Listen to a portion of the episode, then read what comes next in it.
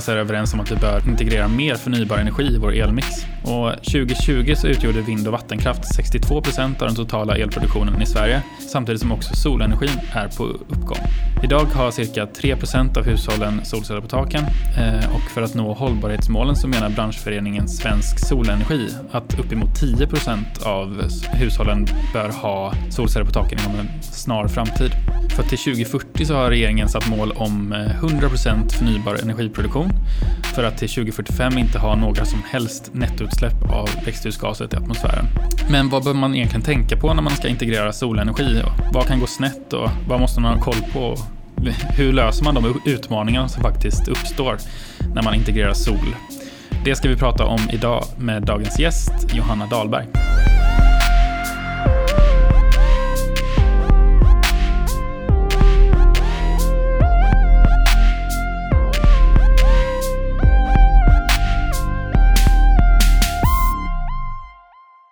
Johanna är smålänningen som efter sina studier i industriell ekonomi i Stockholm, traineeprogram och roller inom försäljning av högspänningsprodukter hos oss i Ludvika till slut hamnade i Malmö där hon idag ansvarar för segmentet förnybar energi på Hitachi Energy.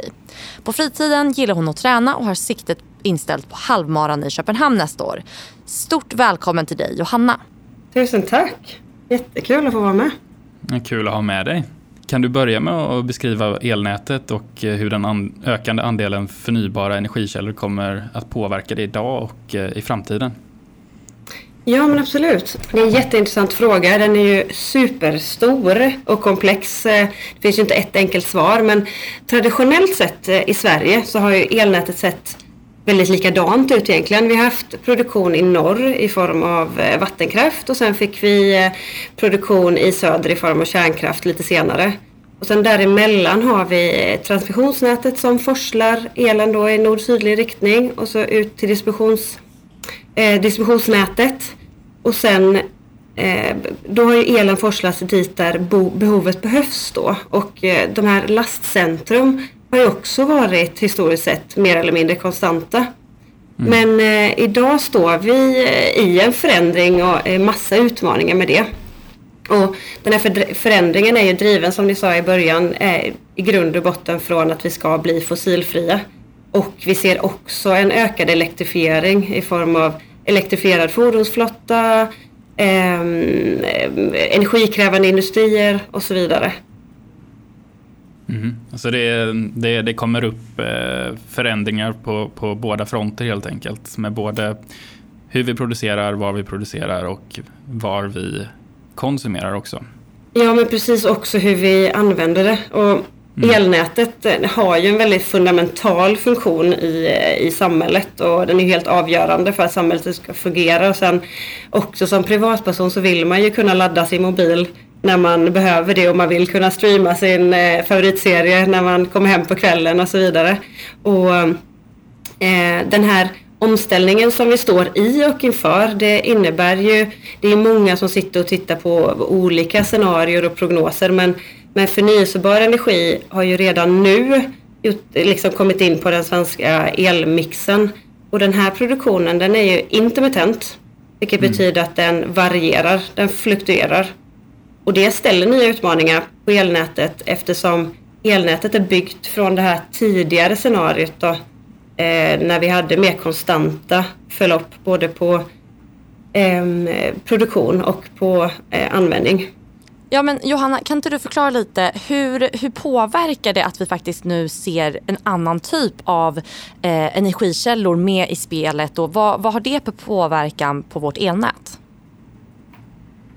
Ja, alltså det, det görs ju jättemycket studier på det och eh, som jag sa tidigare det finns ingen enkel fråga på det men det man kan se eh, det finns inget enkelt svar skulle jag säga. Eh, det man ser eh, nu är ju att det blir mer decentraliserat. Vi har vindkraftparker eh, i stor skala som eh, sätts upp. Vi ser ehm, solceller sätts upp på tak och solcellsparker blir vanligare. Och mm, dels då att det faktiskt är ett decentraliserat eh, energisystem och sen också att eh, komponenterna ser annorlunda ut. Där med svängmassa har vi inte längre eh, på samma sätt då och eh, även att den är intermittent, att den fluktuerar. Då behöver man ha nya, nytt tänk. Mm. Och, och, och, Johanna, om jag får ställa en till följdfråga här. Du nämnde ju också det här att vi förut såg traditionellt att vi hade vatten i norr, kärnkraft i söder. Och nu om man då, om vi tittar på om kärn, eh, kärnkraften inte skulle eh, finnas kvar i den svenska elmixen. Hur, vem kommer ta dens plats? Är, vad är din uppfattning av det? Nej men där tror jag att det kommer bli förnyelsebart. Eh, kanske då offshore vind till och med. För att det blir ju så mycket mer stor skala där. Nu kan jag inte hur, mycket, eh, hur stor summa SVK har ehm, ansök ansökningar på för att koppla på vind, eh, offshore vindkraft men eh, det finns ju liksom en havsbaserad vindkraft kan ju vara 1500 megawatt. Det blir ju väldigt mycket större summor så det tror jag absolut. Mm. Alltså en blandning av, eh, av förnyelsebara källor och så kanske några lite större, eh, större källor som till exempel offshore wind. Ja, det är intressant. Och um, om vi, om vi vänder tillbaka lite mot just solenergi också som är ett av huvudämnena i avsnittet. Mm. Eh, hur ser du att, eh, att solenergins plats ser ut i elnätet och elmixen idag i Sverige? Och Ja, men jag tror ehm, alltså den 2020, eh, alltså år 2020 så passerade solenergi i Sverige en milstolpe på att ha 1000 megawatt installerad effekt för nätanslutna solceller. Mm. Så än så länge så har det varit en väldigt liten del av den totala energimixen. Men den förväntas öka från eh, en terawattimmar eh, per år mm. till drygt 3 terawattimmar per år redan 2025. Och det, de här dryga 3 terawattimmar per år, det motsvarar ungefär lika mycket årlig produktion som O1 i Oskarshamn hade. Alltså det, den första, alltså kärnkraftverket, första reaktorn där, när den producerades som allra mest. Så nu är det den reaktor som var allra först eh, kommersiell i Sverige. Mm. Men, eh, så vi har ju andra reaktorer som, som producerar mer. Men, men solenergi har ju absolut en potential och jag tror att den kommer. Det ser man ju också bara på alla alla mer liksom storskaliga solcellsparker som eh, eh, byggs nu. Mm. Men nu, nu är vi ju upp, nu är vi mitt i vintern här va? och vi, det är mörkt stora delar av dagen. Så hur, hur kan det löna sig att installera solenergi i Sverige egentligen? Ja, bra fråga. Jag har inte de eh, siffrorna i huvudet men eh, men eh, det, det kanske vi kan fråga sen eh, gästen som kommer hur de ser, hur de räknar hem allting. Men det kommer ju också till exempel upp eh, hybridparker där man eh, Alltså man har både vindkraft och solkraft till, med till exempel eh, ett energilager. För att då bunkra upp och klara av all den här elen vi behöver. Mm. Just det, då kanske det är att det också Eh, är, när det är sol så kanske det inte blåser lika mycket som, som eh, när, det är, när det är storm då, så att säga, och det inte det är inte någon sol. Så blir det en fin balans däremellan. Mm, mm. Men, Men om man tittar på, typ, på, på solenergi och, och i Sverige och Stor, som du nämnde nu, stor, storskaliga solcellsparker men också att vi har på villatak. Alltså hur ser fördelningen ut där eller utvecklingen? Eh, vet du Alltså det, har ju, eh, det har ju varit mycket eh, installationer på, so, på, på privat tak. Liksom. Och sen har det mm. ökat bland industrier eh, som har stora tak där det finns möjlighet att sätta upp eh, solceller. Sen också nu kommer det eh, jättemycket, då man ser ju en väldig ökning också på de här storskaliga, alltså 75 megawatt solcellsparker. Mm. Eh, så att eh, i hur mycket installerad effekt det kanske fortfarande är då eh, mer på de storskaliga eftersom de blir så stora. Men, men om man skulle se liksom antal installationer så tror jag definitivt att eh, privatpersoner fortfarande står för den, den största installerade basen. Mm. Mm. Och, och då när man gör de här eh, förflyttningarna då och faktiskt att privatpersoner tar de här aktiva valen och faktiskt då eh, installerar solceller på taken och då blir ja, men, prosumers eller då både producenter och konsumenter av el. Hur, hur ser du, du på det och, och vad, är, det, är det enkelt att bara installera solceller på tak eller vad, finns det något speciellt man bör tänka på om man gör eh, ett sånt val till sitt hushåll? Ja, men där får man ju titta liksom vilka förutsättningar man har. Hur ser huset ut? Vad har man för säkring? Eh, I vilket väderstreck ligger det? Och så vidare. Och sen så finns det ju jättemycket bra olika installatörsfirmor som kan hjälpa en idag. Eh, och sen får det lokala elnätsbolaget också göra en undersökning för att se om de behöver göra nätförstärkning till exempel. Men det man eh, också kan se det är ju då att när vi får de här eh, prosumenterna som både Ehm, alltså de både konsumerar el och de producerar el. Blir, flödena kommer ju gå i andra riktningar än vad det gått förr. Ehm, de kommer gå i, elen kommer kunna gå i båda riktningar. Och där har man sett att till exempel vi då har, ja, vi slutade tillverkning på 70-talet men, men sådana här av, av en linningskopplare som eh, faktiskt bara kan klara av flöde i en riktning och eh, de här med elnätet och ställverk och högspänningsprodukter de har ju väldigt lång livslängd. Mm. Så att det är inte konstigt att det sitter kvar sådana linjeskopplare ute i nätet idag. Mm. Ehm, det har vi sett ehm, att det gör och det kan ju ställa till besvär nu då om man har en linjeskopplare som faktiskt inte kan hantera flöde i båda riktningar. Men man har ett flöde i båda riktningar. Mm.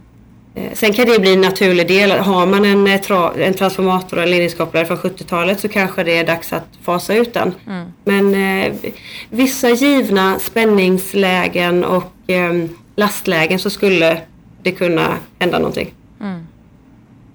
Och eh, vad, vad, och de som eh, sitter på den här kunskapen då, om säger att jag är en privatperson som vill installera de här typerna av eh, produkter på mina tak och producera min egen el.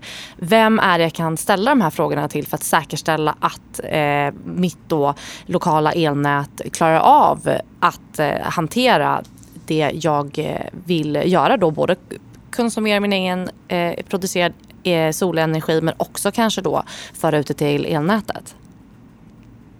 Ja, men jag skulle nog rekommendera att man, eh, jag tror att eh, en installatör som är inriktad på, på sol eh, kan säkert ta de frågorna och också kan man vända sig till sin lokala elnätsbolag.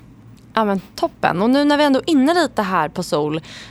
Vad säger ni? Tycker ni att vi ska ringa upp våran eh, expertgäst idag?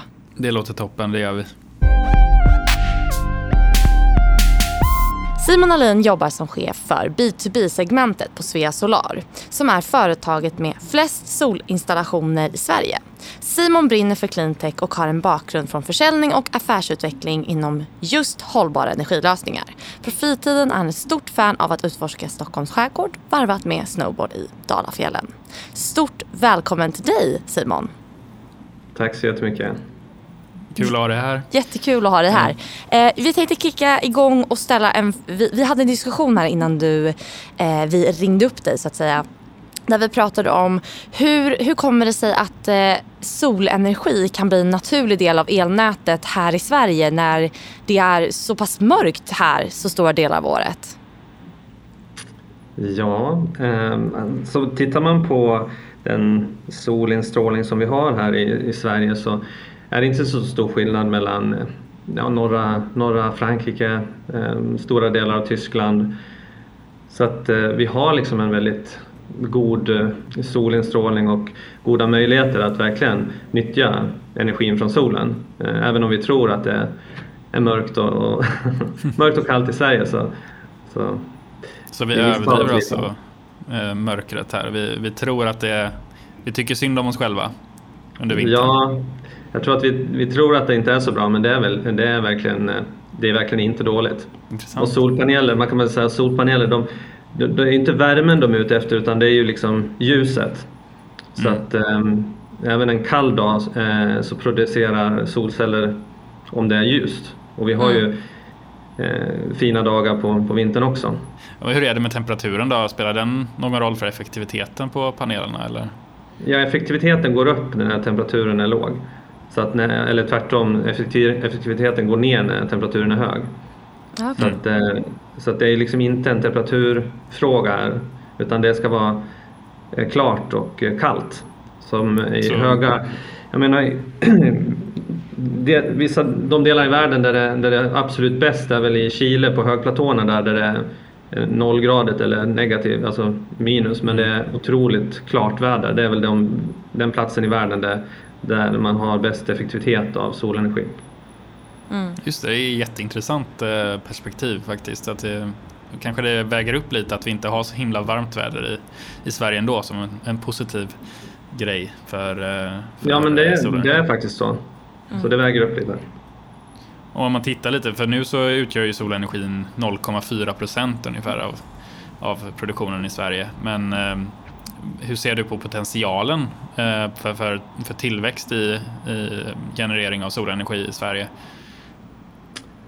Ja, det, flyger man in över Stockholm och eh, kikar ner eh, på våra fastigheter så ser man ju knappt några solceller så att det känns ju som att potentialen är otroligt hög. Vi ser ju ett mm. par anläggningar såklart men, men um, i dagsläget räknar man med att det ska gå från våra låga, låga nivåer upp till kanske en 10-20 um, procent på sikt. Så att um, det, det, är ju, vi har ju otroligt, lång, otroligt mycket uh, potential och hela den ja, framtida utvecklingen här då, och ta del av den väldigt intressant och då så, så tänker man på, för du är ju ansvarig för B2B-segmentet då, du säljer till företag mm. eh, och industrier antar jag. Yes, eh, yes. Men sen så har du också det som du nämnde nu när man flyger över Stockholm så är det ju villatak eh, och så vidare. Ja, alla bostadsrättsföreningar och alla, eh, alla bo, ja, större flerbostadshus och sådär. Så, där, så det är ett stort segment som vi, vi mm. säljer väldigt mycket till eh, bostadsrättsföreningar just nu. Ehm, jag tror det ligger högst på deras önskelista när man tittar på vad de pratar om på sina årsmöten i dagsläget. Och vad, och, vad tror du driver den, den önskan? Ja, det, det, är en bra affär. De, mm. de sätter upp solceller i, idag och eh, kan kanske stå, eh, få en ganska stor del av sin energiförbrukning betald eh, eller hanterad av solcellerna och eh, återbetalningstiden är väl en det kan vara neråt en 6-8 år ibland för bra installationer så att efter det så har de ju gratis, eh, gratis el och mm. de här celler, solcellerna håller ju kanske en, uppåt en 30-40 år. Mm. Så att mm ja, investeringen är väl ganska smart för en fastighetsägare. Som du säger, det här är ganska faktiskt eh, långvariga installationer man gör. Och hur, eh, på den tiden som du har varit i branschen, hur har du sett att tekniken på, kopplat just då till solceller har förändrats med åren, bara de senaste åren? Ja, vad ska man säga? Eh, effektiviteten på panelerna har ju ökat år för år. Mm. Ehm, det är klart att man har kommit upp till en väldigt hög, hög nivå idag. Mm. Men den fortsätter att öka och, och tekniken runt solcellerna framförallt eh, utvecklas väldigt snabbt när vi pratar om olika typer av eh, växelriktade styrsystem, möjlighet att eh, koppla upp sig med batterier och, och, och även mot ladd, laddmöjligheter. Så att, det utvecklas väldigt mycket runt omkring kanske solcellerna hur man kan montera dem på olika platser. Sådär. Mm. Hur ser det ut med prisförändringen då? Ja, alltså nu med eh, den situation som har varit på marknaden med covid och, och transporter och sådär så att det har väl inte gått ner de senaste eh, månaderna men, men eh, innan så har väl priset för, för solceller droppat år för år. Och det är väl någon, vi får se på sikt här när vi tar oss ur det här att, att det, det kan fortsätta vara um, att det blir billigare och billigare då med, med solceller. Men de, kostnaden för dem idag är så pass låg och uh, återbetalningstiden är, ju liksom är, är låg med den kostnaden som ligger så att, så att det, det behöver liksom inte bli billigare för att det ska vara lönsamt. Mm. Nej, det låter ju väldigt positivt att vi det finns ju alla förutsättningar för en, för en snabb ökning då av förnyelsebar energi i, i världen. När, det är, när ekonomin går ihop på ett så, så bra sätt också. Ja, verkligen. Och det är ju, många banker ser ju väldigt positivt att satsa eh, på just solenergi och den här produkten för att eh, eh, till skillnad från ja, fossila satsningar så, så att det, det, rör sig mycket pengar till, till den förnybara sektorn just nu. Mm. Mm. Och om man då eh, sitter hemma och har är eh, med i en bostadsförening eller om man äger sitt eget hus. Vad, vad, skulle du säga är det viktigaste att ha i åtanke innan eller liksom första steget in för att investera i solceller? Ja, man, man, det är väl egentligen att kontakta en, en eh, konsult eller en, en leverantör som oss um, som, som kan komma och titta lite på förutsättningarna. Um, det finns ju olika delar i hur lönsamt det kan vara. Vissa föreningar har, eh, där man har liksom ett individuell mätning och debitering är någonting som heter att man liksom kopplar samman alla eh, boendes abonnemang till ett så att man får upp liksom effekten mm. eh, i ett abonnemang och då kan man få upp eh, lönsamheten väldigt mycket i en sån här installation. Så att man behöver titta lite på förutsättningarna för, för varje verksamhet. Um, förbrukningen, um, vad har man för förbrukning och hur mycket kan man matcha då uh, med solceller? Mm. Um, och också sen då har man ett bra tak som, som, som fungerar och att uh, sätta upp mycket solceller på och matcha den här förbrukningen, ja då, då ligger man väldigt bra till. Simon, hur eh, ser ni på storskalig eh, solelsproduktion? Alltså, eh, vi ser ju en ökad mängd stora solcellsparker som byggs i Sverige. Hur ser ni på det? Hur jobbar ni med det?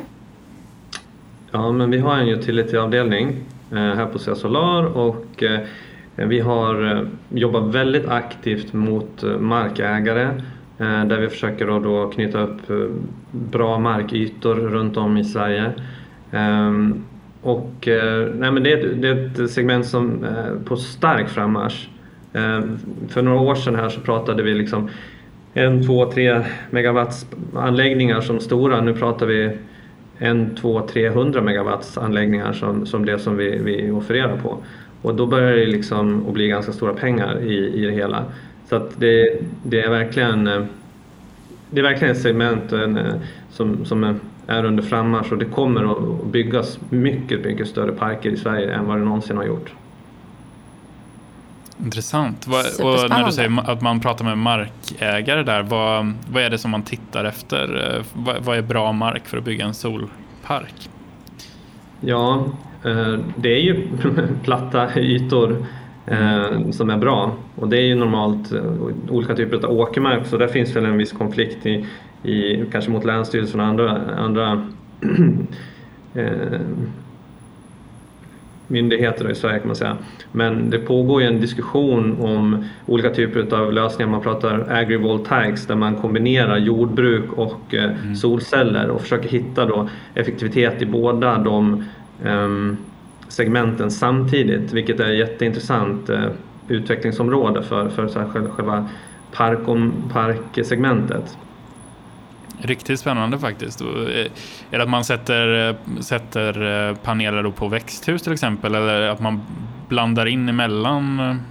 Ja, man kan bygga alltså, vertikala solceller emellan linjerna så kan man köra då sitt jordbruk och sen har man solceller ja, i rader mm. så, att, så, att, man får upp liksom paneler i, längs hela sin mark då, och, och, och sen kör man sitt jordbruk i, mellan de här panelerna.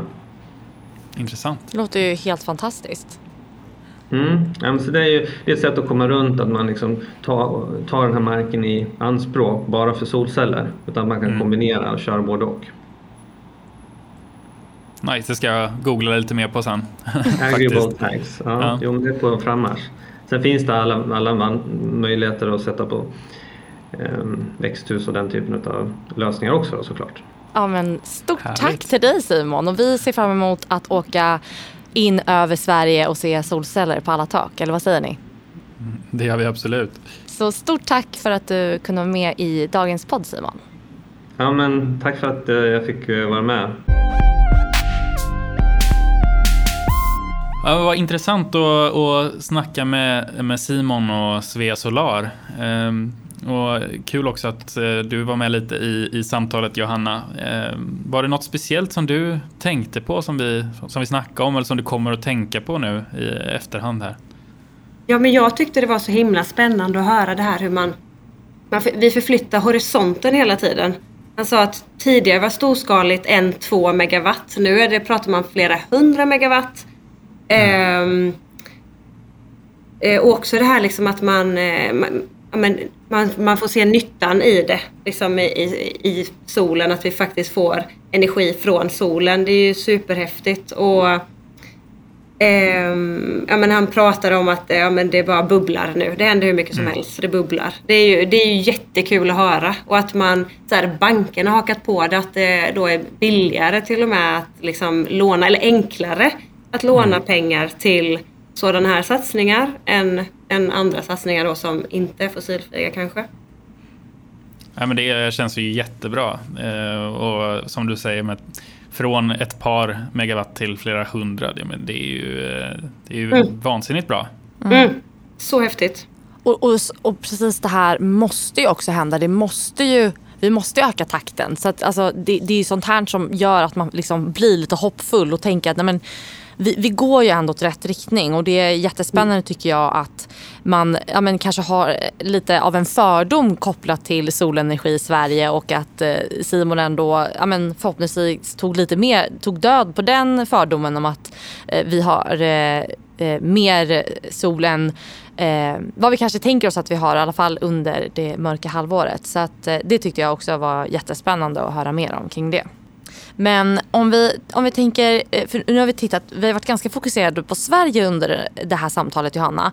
Men om vi tittar utanför Sveriges gränser, kanske till länder med ännu mer sol än vad vi har. Vad, vad har vi för goda exempel där vi kan lära oss ifrån när det är kopplat till att ta vara på solenergin?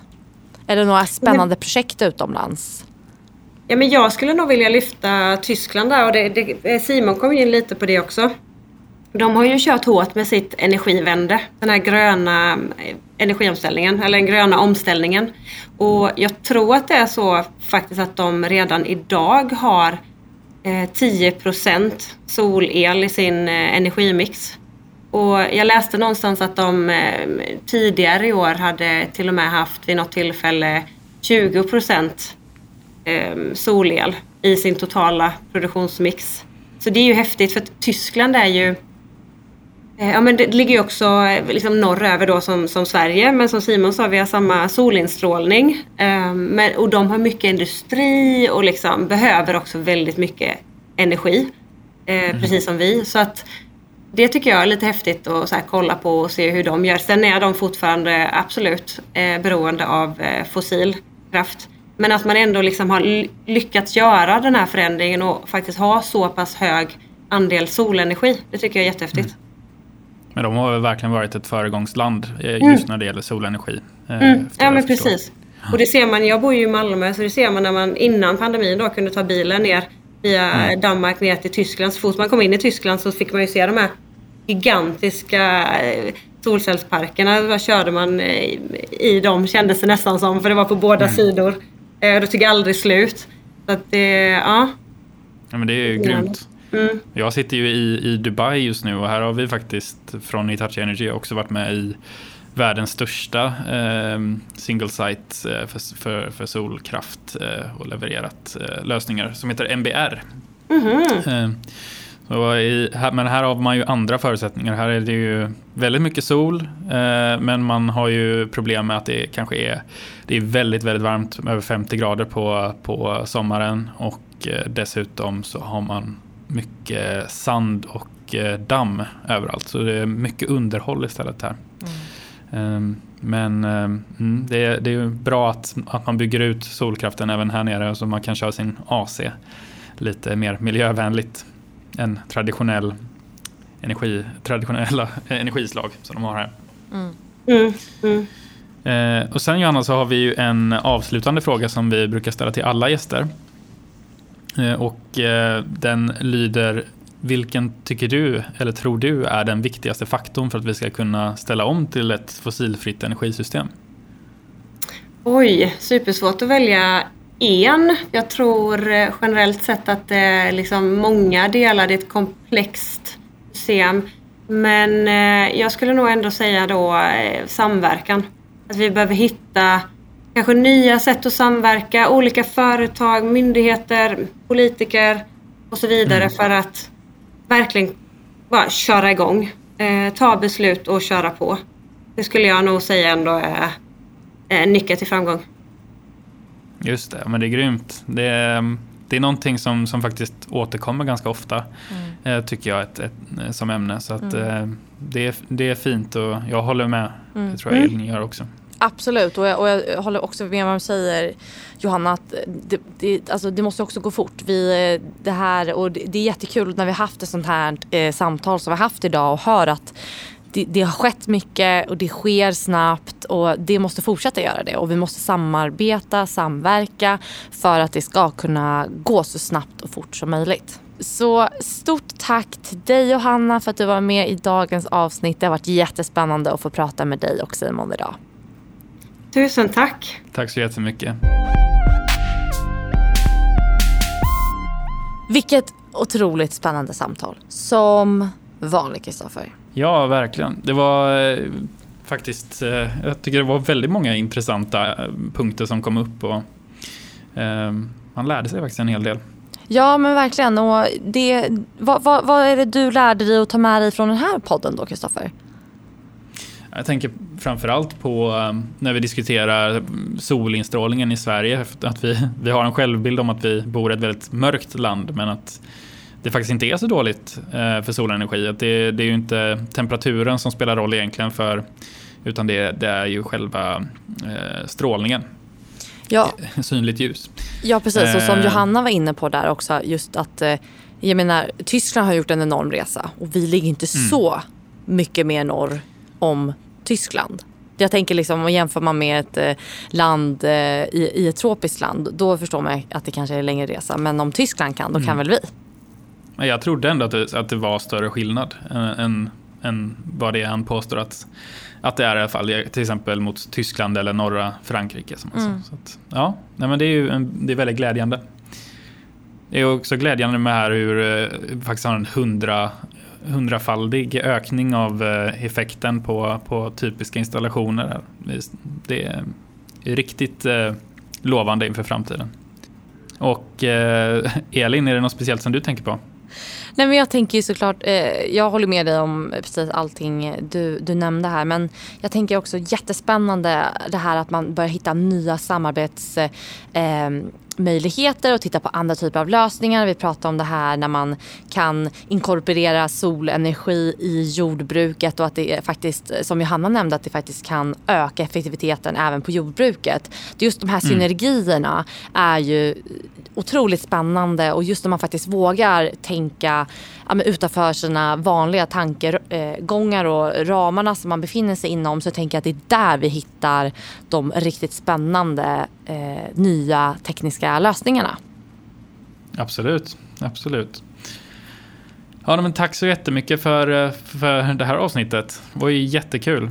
Ja, och tack så jättemycket för att du har lyssnat. I nästa avsnitt ska vi lära oss mer om energilager. Genom att lagra energi från förnybara energikällor såsom sol och vind kan vi stabilisera och effektivisera elnätet samtidigt som vi höjer elkvaliteten. Vilket är viktiga faktorer i omställningen mot ett koldioxidneutralt energisystem.